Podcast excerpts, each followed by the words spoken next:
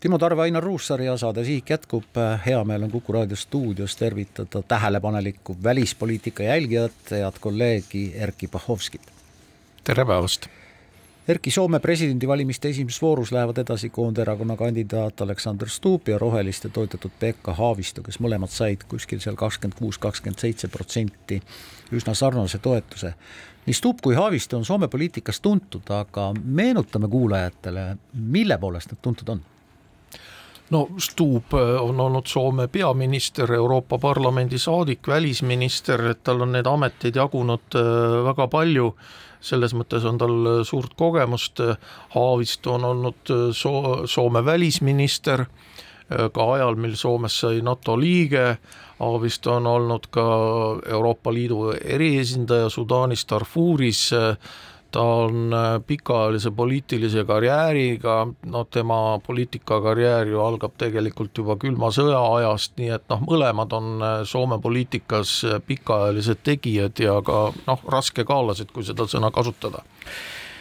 isegi muigamapanev oli lugeda Soome politoloogide arvamust, et kõige suurem üllatus nendel valimistel oli see, et üllatust ei sündinud. no seda korrati üle valimisstuudios eile õhtul üle mitu korda jah, et, et üllatusi ei sündinud, selles mõttes on see Soome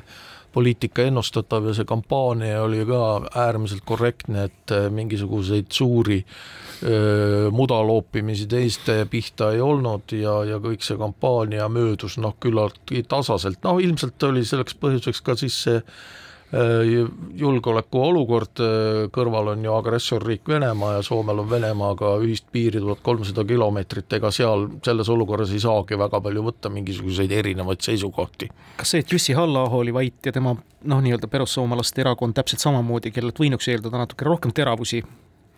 jaa, aga, aga, aga see, see nii-öelda need teravused või need erinevused tulevad sisse ju äh, valdkondades, mida president ei puuduta ehk peamiselt sisepoliitikas, noh jutt käib, eks ole, seal äh, võrdset, võrdsest kohtlemisest, äh, immigratsioonipoliitikast ja nii edasi, Soome president tegeleb ikkagi välis- ja julgeolekupoliitikaga ja seal põlissoomlased olid ikkagi väga Ukraina-meelsed, et äh, selles mõttes jälle neid erinevusi ei olnud mõned päevad enne, enne valimistulemuste selgumist ja põhilist valimispäeva, mis oli siis eile pühapäeval, ennustasid paljud vaatlejad, et just nimelt Venemaa agressiivse poliitika tõttu on valimisaktiivsus Soomes tavapärasest suurem. veidi oli, aga mitte väga palju mitte väga palju, noh teine, teine muidugi aspekt on see, et ega seda väga palju kõrgemaks enam ei saagi ju, eks ole, et noh, peaaegu seitsekümmend viis protsenti, no üle kaheksakümne oleks läinud, noh, siis oleks see on juba kahtlane. see on juba kahtlane jah, et hakkab sinna Põhja-Korea poole liikuma, no see on nüüd nali muidugi, aga, aga noh, ma arvan, et et see valimisaktiivsus oli täiesti mõistlik ja normaalne ja hea muidugi erinevalt Eestist on ju Soome presidendivalimiste otsus rahva teha ja ka põhjanaabrite riigipea, tema volitused on ka piiratud. kas Soome presidendi võimalusi ja volitusi saab laias laastus võrrelda meie presidendi volitustega või on ikkagi seal nii-öelda julgeolekupoliitikas tal ikkagi vähe rohkem volitusi, ma tean, et NATO tippkohtumisel tavaliselt ei ole seal peaminister, vaid just president esindatud just president ja, ja, ja noh, see Soome presidendi roll vaadati üle kahe tuhandel aastal vastu võetud uue põhiseadusega või põhiseaduse muudatusega kus siis äh, valitsuse osakaal Soome poliitikas suurenes ja presidendi osa vähenes, aga tõesti see välis- ja julgeolekupoliitika roll ja ka see presidendi osa siis mitte ainult siis jutt ei käi NATO tippkohtumistest, vaid ka välis- ja julgeolekupoliitika aluste väljatöötamisest, et seal on presidendil ikkagi see roll ja see presidendi sõna maksab. Soomes on ajalooliselt presidendil olnud ju väga-väga suur roll ja ega see traditsioon ei ole ju kuhugi kadunud, et et, presidendiga arvestatakse, tema sõna võetakse kuulda, kõigega võib-olla ei pea arvestama ja noh, muidugi sellist olukorda ju ei ole, kus oli soometumisel, kus Kekkonen ütles ja nii ka jäi,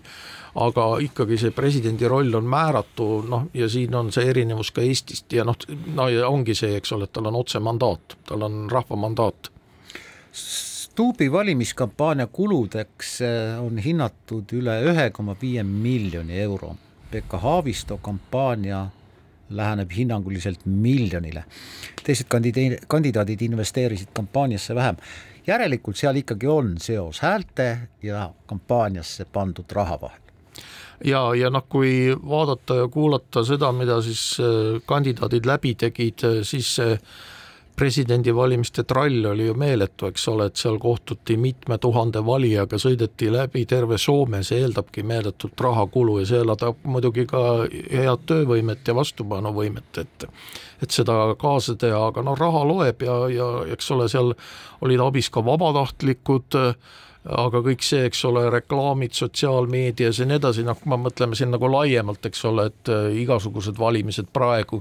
ei ju, ei, ei tähenda ainult, eks ole, et reklaami kuskil trükimeedias, vaid sa pead olema kohal igal pool, eks ole, et sa pead valijatega otse suhtlema, sa pead panema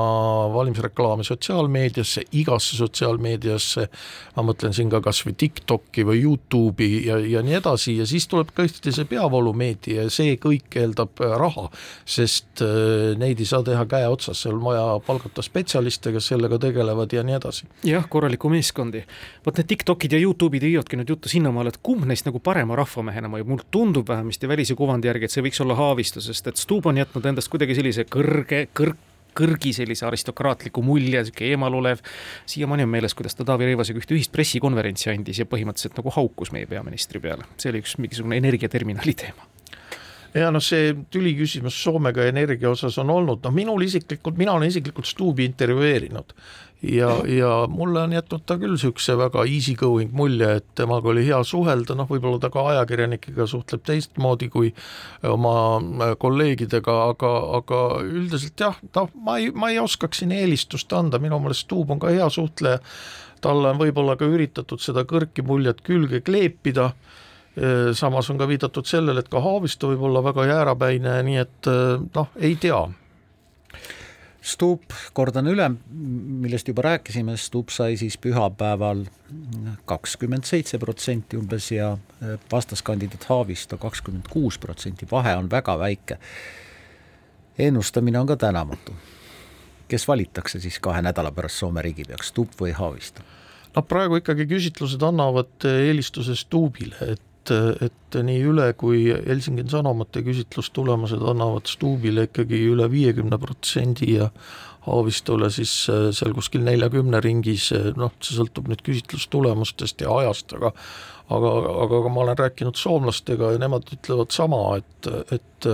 Stuubil on teises voorus kindlasti paremad võimalused äh, ehk teiste sõnadega, Haavisto peab tegema suuremat tööd, kui ta tahab üldse stuubi lüüa, all, all, aega on jäänud noh, umbes kaks nädalat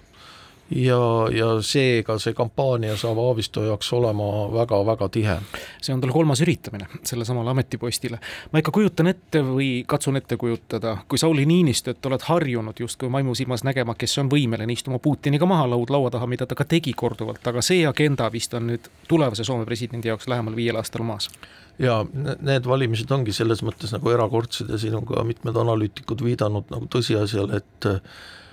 Soome uus president astub äh, siis ametisse olukorras, kus tal ei ole otsesidet Venemaa valitsejaga, olgu selleks siis äh, kas kommunistliku partei peasekretär või Venemaa president, praegu see side puudub ja noh, president on tavaliselt olnud just see, kes need Venemaaga suhteid on nii-öelda hoidnud. ja, ja, ja noh, teisest küljest on ka tegemist presidendiga, kes saab ametisse NATO liikme äh, presidendina, aga sellegipoolest see Venemaa küsimus on olnud noh, nii-öelda presidentide pärusmaa, noh, meenutame siin Juho Kusti, Paasikivi, Kekkonen, ka Koivisto ja tõesti Niinisto, nagu sa ütlesid, aga nüüd ju ei ole Venemaaga mingisugust sidet. Suur tänu, et tulid, ajakirjanik Erkki Vahovski meile stuudiosse seda kõike kajastama ja uute kohtumisteni!